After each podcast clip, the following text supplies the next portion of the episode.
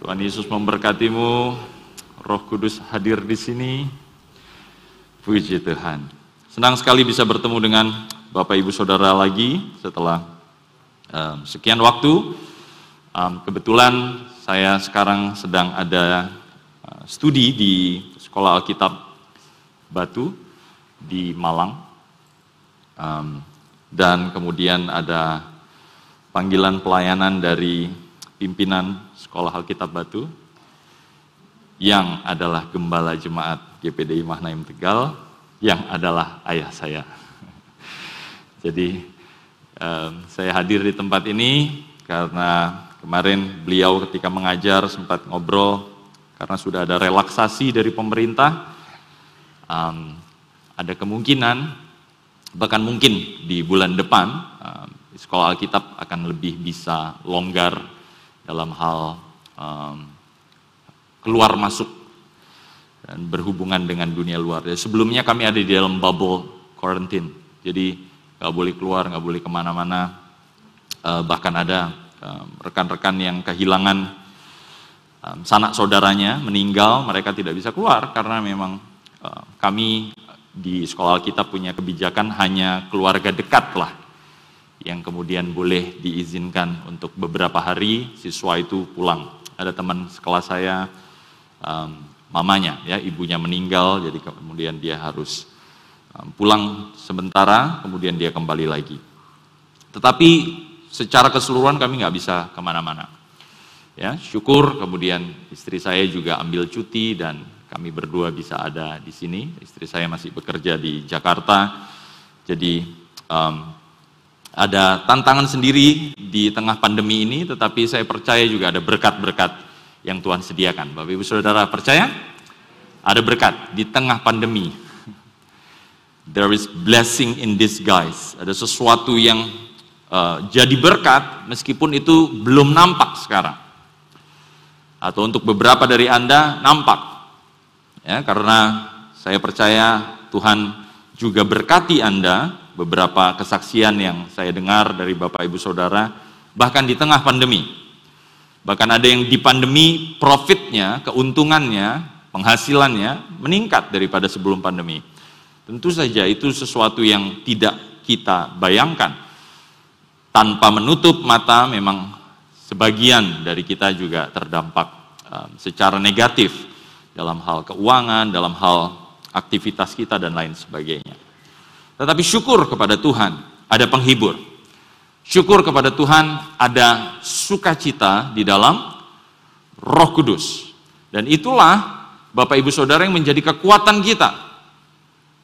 Hari ini, kalau Bapak Ibu Saudara punya akses kepada internet, Anda bisa cek web yang ada di depan Bapak Ibu Saudara. Saya sudah taruh um, catatan khotbah saya di sana supaya Anda bisa melihatnya dan menikmati secara utuh apa yang akan saya sampaikan hari ini. Tetapi kalau Anda suka mencatat secara manual, paper and pen, itu juga baik karena kita akan membahas satu hal yang sedang kita nantikan, yang kita rayakan, yaitu Roh Kudus. Roh Kudus, Roh Allah yang perlu yang kita butuhkan, bahkan lebih lagi kita butuhkan di akhir zaman ini. Ada pengalaman yang kita percaya di dalam um, gereja, yaitu baptisan Roh Kudus. Baptisan Roh Kudus itu adalah ketika Anda, Bapak Ibu Saudara, pertama kali kepenuhan Roh Kudus. Itu baptisan Roh Kudus. Tetapi apakah berhenti di situ? Tidak. Ya. Kalau Anda sudah penuh dengan Roh Kudus, kalau Anda sudah dibaptis dengan Roh Kudus, Anda minta lagi untuk dipenuhkan kembali. Jadi ketika Anda datang 10 malam ya, doa kepenuhan Roh Kudus atau sepanjang tahun ini Anda berdoa di hadapan Tuhan, di hadirat Tuhan, Anda meminta kalau Anda belum pernah dibaptis oleh Roh Kudus. Tetapi kalau Anda sudah merasakan pengalaman baptisan itu Jangan berhenti. Jangan jadi penonton. Tapi minta lagi kepenuhan dari roh kudus. Lagi, lagi, dan lagi. Karena kita nggak nggak nggak ada titik di mana kita cukup mengenai Roh Kudus. Kita butuh lebih dan lebih lagi. Nah, Bapak Ibu Saudara, kita akan buka di dalam Wahyu 22 ayat 17. Wahyu 22 ayat 17. Saya percaya Bapak Ibu Saudara eh, sangat familiar dengan hal ini karena gembala juga sering menyampaikan khotbah dari kitab ini. Wahyu 22 ayat yang ke-17 kalau Anda bawa Alkitab Bapak Ibu Saudara bisa buka di situ dan kita akan baca bersama-sama. Satu, dua, tiga. Roh dan pengantin perempuan itu berkata, marilah. Dan barang siapa yang mendengarnya, hendaklah ia berkata, marilah. Dan barang siapa yang haus, hendaklah ia datang. Dan barang siapa yang mau, hendaklah ia mengambil air kehidupan dengan cuma-cuma. Bapak ibu saudara, di dalam kehidupan ini, di dalam kehidupan kekristenan kita, ujungnya nanti akan ke sana. Ujungnya nanti akan apa yang dituliskan di dalam kitab Wahyu. Kita hidup sebagai orang Kristen berpusat kepada Tuhan Yesus Kristus. Dia senternya. Dia pusatnya. Itulah mengapa kemudian orang-orang percaya atau murid-murid Yesus disebut Kristen. Ya, saudara bisa cek itu di kisah para rasul 11 ayat 26. Kita disebut Kristen atau dalam bahasa aslinya Kristianos karena kita berpusat pada Tuhan Yesus Kristus. Kita mengikuti Yesus Kristen. Christian. Ya, Kristianos. Nah, semua kita Bapak Ibu Saudara adalah murid Yesus.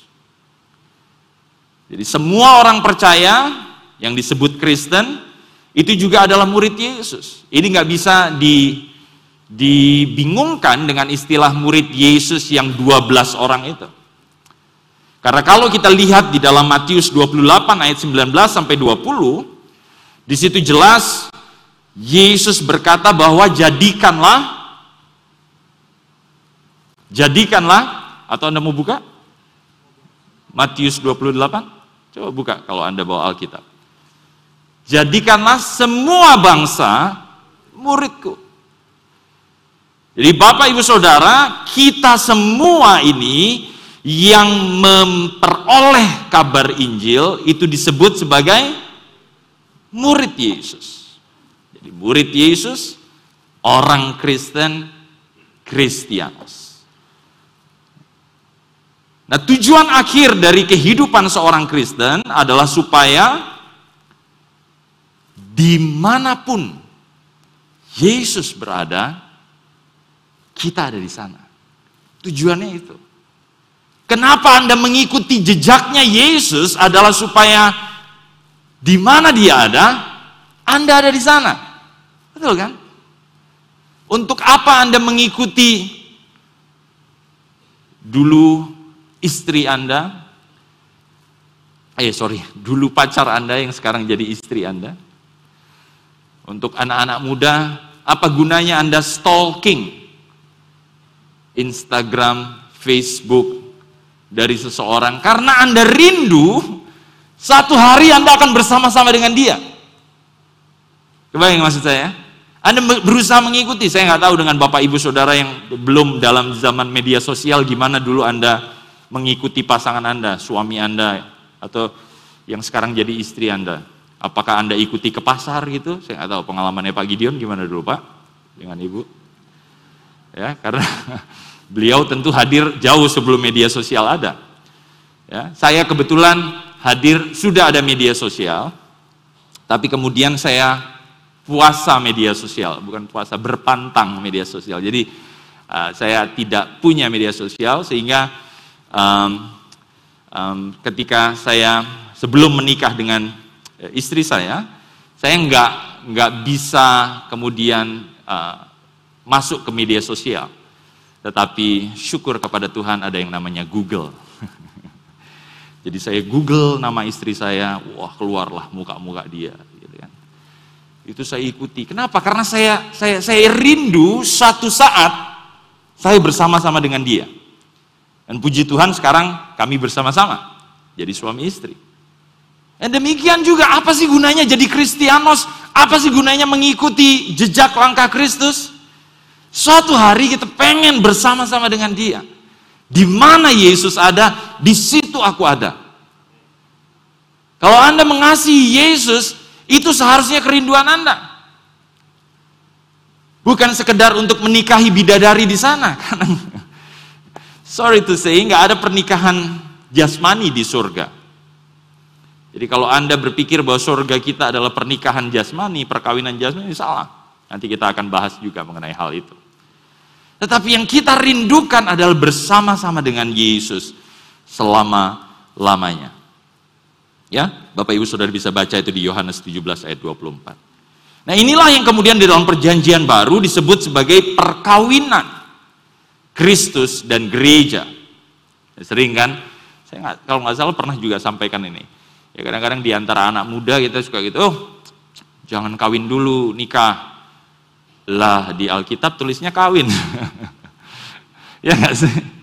Ya, jadi kadang-kadang kita bikin istilah-istilah yang ya nggak nggak sepenuhnya tepat juga begitu. Perkawinan Kristus dan gereja. Ini tujuannya. Di dalam perjanjian baru dituliskan mengenai hal itu. Sebenarnya dari perjanjian lama juga Tuhan sudah kasih hint, sudah kasih uh, pertanda, perlambang tentang itu. Bahwa Israel, bangsa pilihan Tuhan, itu diumpamakan sebagai mempelai sebagai istri ya. sebagai istri tapi memang kemudian ada beberapa orang yang menyalah artikan itu ketika kemudian di dalam bagian Alkitab berbicara tentang aku ceraikan istriku. Kemudian bilang oh berarti boleh perceraian di dalam kekristenan. Bukan. Ya maksudnya itu karena Israel berzinah dengan Allah lain. Bukan berarti kemudian itu jadi um, um, pembenaran untuk perceraian di dalam kekristenan. Kemudian Bapak Ibu Saudara, di dalam perjanjian baru perkawinan Kristus dan gereja itu digambarkan bukan suatu perkawinan jasmani. Ini penting untuk kita mengerti seperti yang tadi saya sampaikan di dalam Markus 12 ayat 25 Yesus berkata demikian, Sebab apabila orang bangkit dari antara orang mati, orang tidak kawin dan tidak dikawinkan, melainkan hidup seperti malaikat di sorga. Ya, jadi Bapak Ibu Saudara jangan berpikir bahwa oh, nanti saya di sana akan ketemu suami saya, istri saya, nanti kami akan nikah lagi di sana, begitu dan lain sebagainya. Bukan seperti itu. Karena konteks dari Ah, ayat-ayat uh, ini Bapak Ibu Saudara bisa baca di ayat-ayat sebelumnya Yesus sedang menegur mereka ya karena ada orang-orang Yahudi yang berusaha untuk menjebak Yesus. Oh dia kalau punya uh, istri tujuh gitu misalnya karena yang ya uh, atau punya suami tujuh siapa yang nanti jadi suaminya di surga sana? Yesus kemudian berkata ayat ini. Ya jadi tidak surga bukan tentang perkawinan jasmani. Surga bukan tentang kepuasan jasmani surga itu melebihi kepuasan jasmani. Nanti kalau Bapak Ibu Saudara baca di dalam Wahyu, Anda nggak perlu lagi matahari di sana, Anda nggak perlu lagi hal-hal um, yang di dunia ini Anda butuhkan. Itu karena semua sudah tersedia. Jadi beyond our physical needs. Tetapi yang Tuhan inginkan terjadi antara Yesus dan gereja, Kristus dan gereja adalah pernikahan, perkawinan rohani. Bahwa Tuhan Yesus Kristus, anak domba Allah itu, kemudian menikahi gereja Tuhan.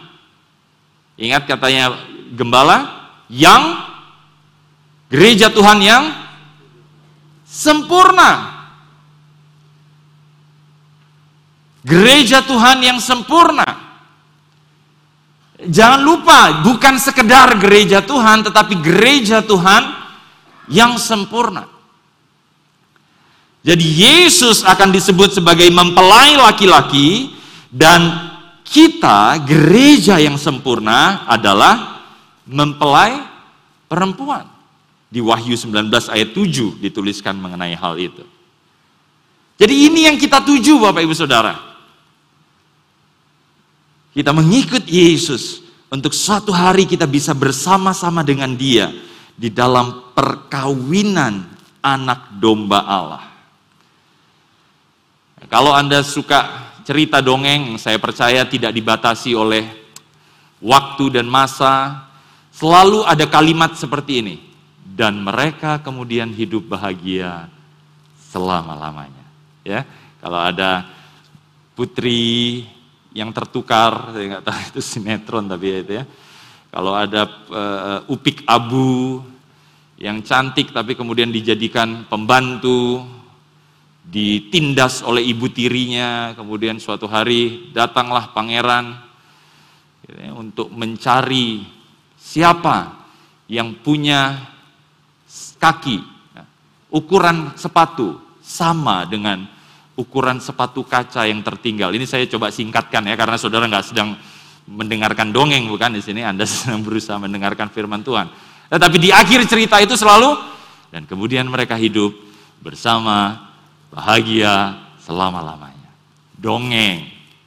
Ya. Pada kenyataannya kan nggak begitu. Amin. Bapak Ibu Saudara yang sudah berumah tangga, ya, ada aja pertengkaran, kan? Ada aja berantem, ada aja ngambek-ngambekan, ya kan? Ada aja uh, konflik di dalam rumah tangga. Tetapi pada akhirnya kita pengen ini terjadi. Nah, yang Alkitab sampaikan kepada kita bahwa ini kalimat ini bukan sekadar dongeng. Kita benar-benar akan hidup bersama dengan Yesus, mempelai laki-laki itu selama-lamanya. This is the greatest love story. Kalau Anda mau cari kisah cinta terbaik, terluar biasa, terbesar, itu ada di dalam Alkitab. Karena Anda tidak sedang menghidupi dongeng. Kalau Anda jadi bagian dari gereja sempurna, Anda akan menikah dan bersama-sama dengan Yesus selama-lamanya. Di sanalah semua yang Anda katakan, aku cinta Yesus. Hah? Kok ada yang jeru? ya benar bahasa Jawanya ya, jeru-jeru ya. Semua yang kita sebutkan bahwa I love you Jesus. Aku mengasihi engkau Tuhan itu akan menjadi kenyataan di akhir di akhir nanti. Jadi Bapak Ibu Saudara ini yang menjadi kerinduan kita. Itulah kenapa kemudian orang Kristen yang ada di akhir zaman harusnya orang Kristen yang seperti lagu tadi menunjukkan perbedaan di wajahnya. Kenapa? Karena saudara mau nikah. Saya nggak memperhatikan ya eh, wajah istri saya, tetapi saya percaya wajahnya ketika menikah tuh gitu. blushing, blooming, Mungkin juga Bapak Ibu Saudara pasti sudah mengalami. Untuk teman-teman yang masih belum menikah, yang masih jomblo, yang masih sendiri, satu hari saudara akan mengalami pengalaman itu. Ya, saya saya nggak tahu ya, kecuali kalau pernikahan itu dipaksakan, kan? Kamu nikah sama dia sekarang, gitu. gitu. Sudah mungkin nikahnya mengkerut gitu kan. Tetapi kalau dia orang yang anda kasihi, maka anda sudah, saya akan menikah, saya akan menikah, gitu kan. Demikian juga kita menunjukkan ekspresi sukacita. Kenapa? Karena satu hari kita akan menikah dengan Yesus. Semua orang Kristen yang menjadi bagian dari gereja sempurna akan diam dalam kekekalan bersama Yesus. Wahyu 22 ayat 3 sampai 5 kita akan bersama-sama dengan dia. Saudara mau sana? Atau saudara mau begini-begini aja, aku lebih suka di dunia aja. Maka sia-sialah ibadah kita, sia-sialah pengiringan kita. Karena apa yang kita lakukan, apa yang kenapa kita setia kepada Yesus, untuk suatu hari kita bersama-sama dengan dia. Semua orang Kristen, pusatnya adalah Yesus. Senternya adalah Kristus. Dan karena itu kita mengerti bahwa iman kita itu didasarkan pada semua peristiwa yang terjadi saat Yesus ada di muka bumi. Kenapa? Karena senternya Yesus. Jadi yang kita percaya itu sumbernya dari sana. Saudara perhatikan saja hari-hari perayaan Kristen kita itu tentang apa yang Yesus lakukan di muka bumi. Kita punya Natal, betul? Apa? Kelahiran Yesus. Kita punya Paskah, di mana kita merayakan kematian dan kebangkitan Yesus. Kemudian kita juga punya apa? Kenaikan ketika Yesus naik ke surga. Paskah, eh Natal, Paskah, kenaikan. Nah hal ini pernah dituliskan oleh Paulus di dalam 2 Timotius 2 ayat yang ke-8. Bahwa inti dari iman kita adalah kelahiran Yesus dan kematiannya.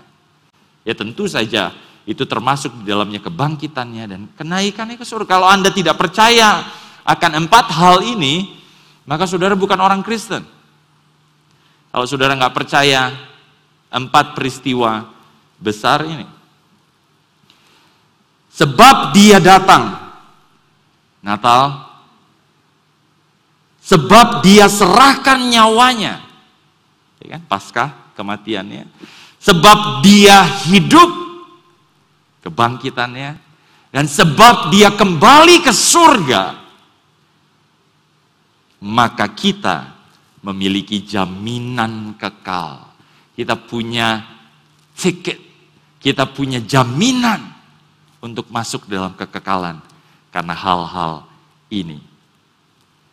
Ingat kan di Yohanes 3 ayat 16 ketika saya di sekolah Alkitab, semua harus menghafalkan beberapa ayat. Gitu ya.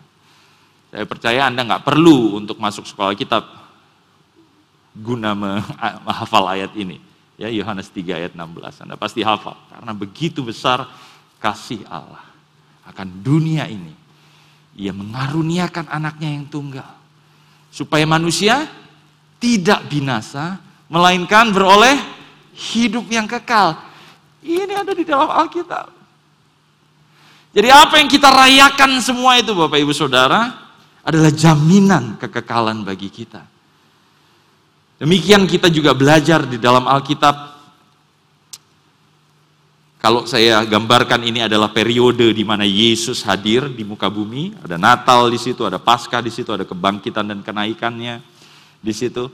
Tetapi sebelum periode itu, kita belajar dari Alkitab, ada yang disebut tentang Taurat. Itu di perjanjian lama dijelaskan mengenai hal itu. Jadi saya ingin membawa pemikiran Bapak Ibu Saudara ada tiga masa. Ya tentu saya saya nggak lagi belajar, mengajar Anda tentang peta zaman, that's different story dan kompleksitasnya berbeda. Saya hanya ingin bikin simple saya, sederhana saja. Ya, bahwa Yesus hadir di muka bumi itu pusat iman kita. Ketika Yesus ada di muka bumi, dia lahir, dia mati dan bangkit, dia naik ke surga. Itu yang kita percayai. Tapi sebelum itu terjadi, ada satu masa sebelum itu di mana Allah memperkenalkan yang namanya Taurat. Ya, Taurat. Taurat itu dari Tuhan yang kemudian digambarkan oleh Paulus sebagai penolong yang menuntun. Mari kita buka di dalam Galatia 3 ayat 24. Bapak Ibu Saudara kalau Anda punya Alkitab Anda tetap ada di situ ya, di Galatia. Karena kita akan baca pasal 3, kita akan baca pasal 4 dan kita akan baca pasal 5 ya. Kita akan membaca di sekitar pasal-pasal ini. Nah, ayat yang ke-24 dari Galatia pasal yang ketiga dikatakan demikian. Jadi hukum Taurat adalah penuntun bagi kita sampai Kristus datang supaya kita dibenarkan karena iman. Ingat ya, ini adalah masa hidupnya Yesus. Nah sebelumnya ada Taurat Di sini dikatakan dia membantu kita, menuntun kita sampai ke masa ini. Sampai ke masa Yesus hadir dinyatakan di muka bumi. Jadi dia menolong untuk menuntun kita. Nah kemudian di pasal 4 ayat yang kedua dikatakan dia juga mengawasi. Tetapi ia berada di bawah perwalian dan pengawasan sampai pada saat yang telah ditentukan oleh Bapaknya. Nah di pasal 4 ini kemudian Paulus mengambil perlambang seseorang yang belum akil balik.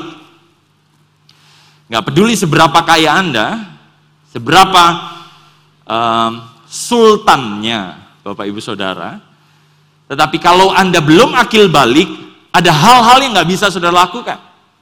Saudara nggak bisa punya identitas sendiri, saudara nggak bisa punya um, uh, uh, license atau surat izin untuk banyak hal, mengemudi, menikah, dan lain sebagainya. Ada batasan sebelum Anda akil balik. Ya? Jadi digambarkan seperti itu. Nah Taurat itu mengawasi, menuntun sampai tiba saatnya. Ya, ketika Yesus kemudian dinyatakan. Disebut di situ sampai saat yang telah ditentukan. Jadi ada waktu Allah. Dan kita percaya Bapak Ibu Saudara, pandemi ini juga waktu Allah bekerja di dalam diri kita. Kita juga percaya bahwa ada waktu Allah di mana kita dikeluarkan dari pandemi ini dan kita akan melihat hal-hal yang lebih baik lagi dari Tuhan. Percaya saja kepada waktu Allah, bersabar, jangan mudah menyerah. Karena seperti ini, ya, ada waktunya kemudian kita masuk kepada masa di mana Yesus bekerja. Ia mengutus anaknya yang datang di bawah hukum Taurat ya di ayat 4 dari Galatia 4 dan menebus dia datang untuk menebus mereka yang ada di bawah hukum Taurat di ayat yang kelima di pasal yang sama.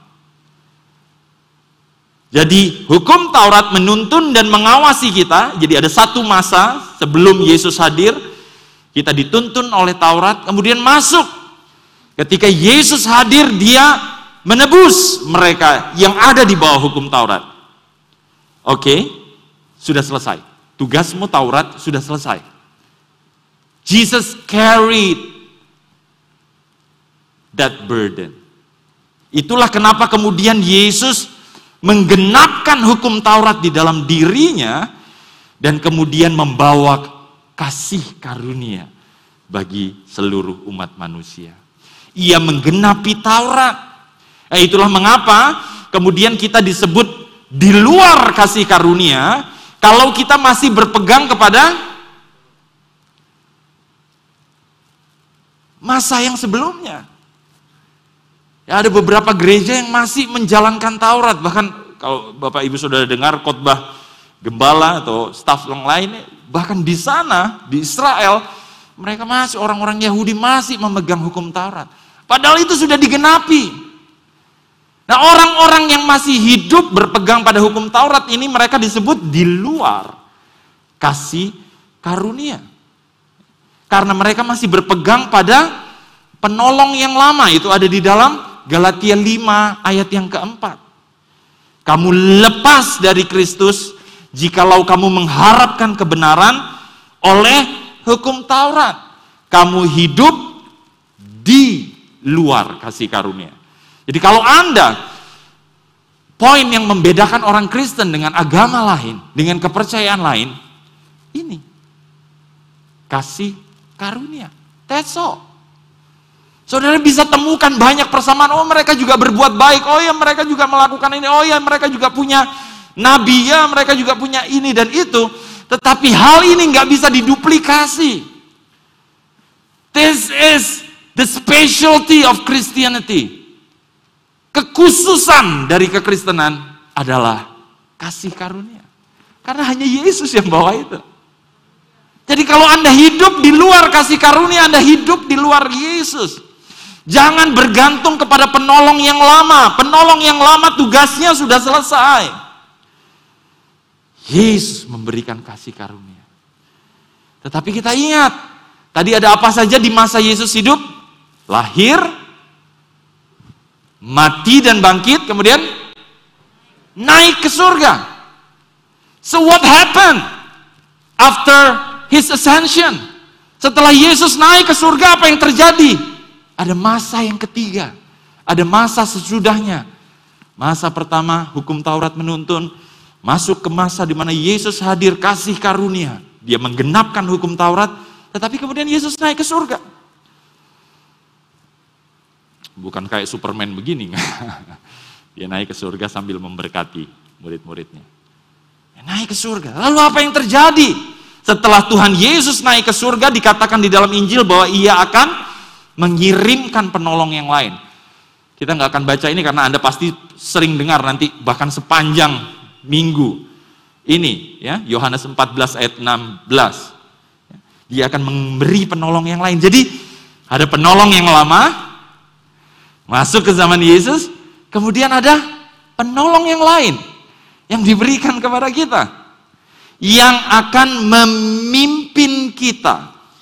Semoga Anda masih di dalam Galatia pasal yang kelima. Di ayat yang ke-18 dikatakan, akan tetapi jikalau kamu memberi dirimu dipimpin oleh roh, maka kamu tidak hidup di bawah hukum Taurat. Penolong yang lama itu udah beres, udah selesai. Sekarang Anda hidup di bawah penolong yang lain, penolong yang dijanjikan oleh Yesus Kristus.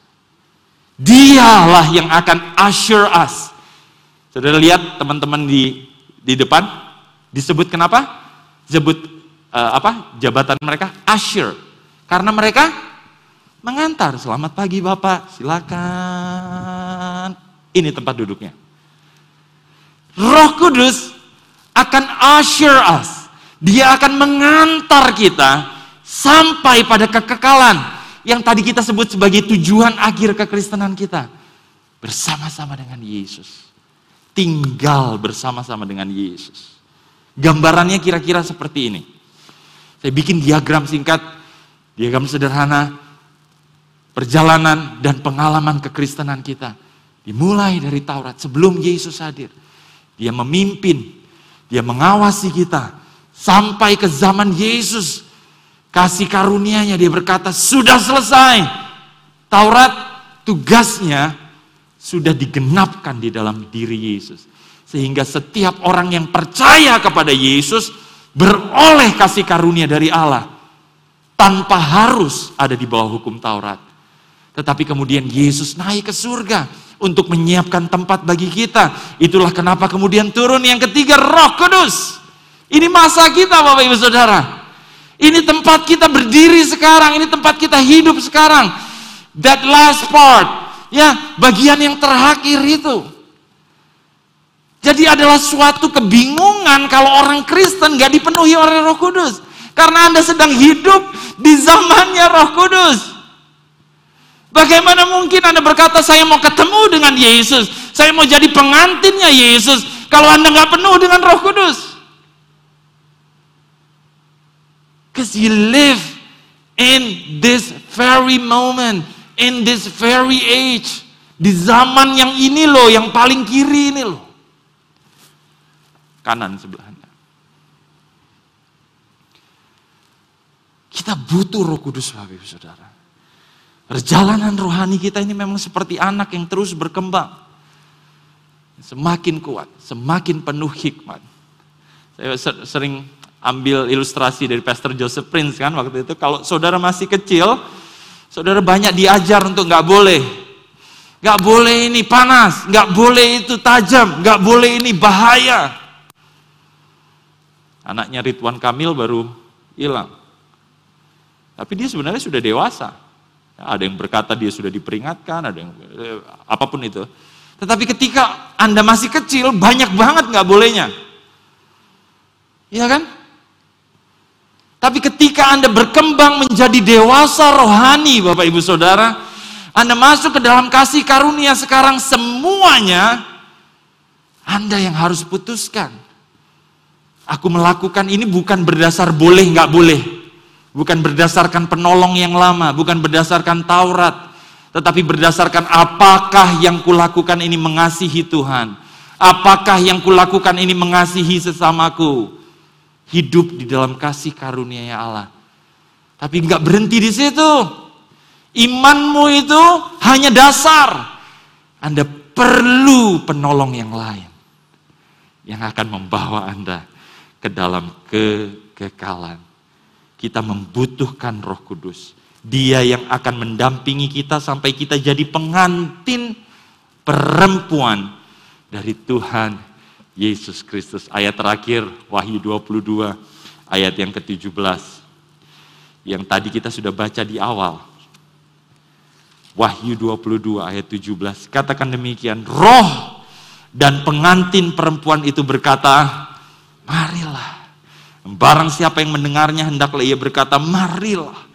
Barang siapa yang haus hendaklah ia datang dan barang siapa yang mau hendaklah ia mengambil air kehidupan dengan cuma-cuma. Bapak Ibu Saudara, kalau Anda belum percaya Yesus, Anda masih punya kesempatan untuk hidup bertumbuh secara rohani dan menaruh iman Anda kepada kelahiran, kematian, kebangkitan dan kenaikan Yesus. Tapi kalau Anda sudah ada di dalam Yesus, anda sudah mengimani aku percaya Yesus hadir. Aku percaya Yesus mati dan bangkit. Aku percaya dia naik untuk menyiapkan rumah bagiku. Sekarang waktunya Anda naik level. Anda ada di dalam masa di mana Anda membutuhkan roh kudus. Yang akan membawa Anda menjadi pengantinnya Kristus. Terpujilah nama Tuhan.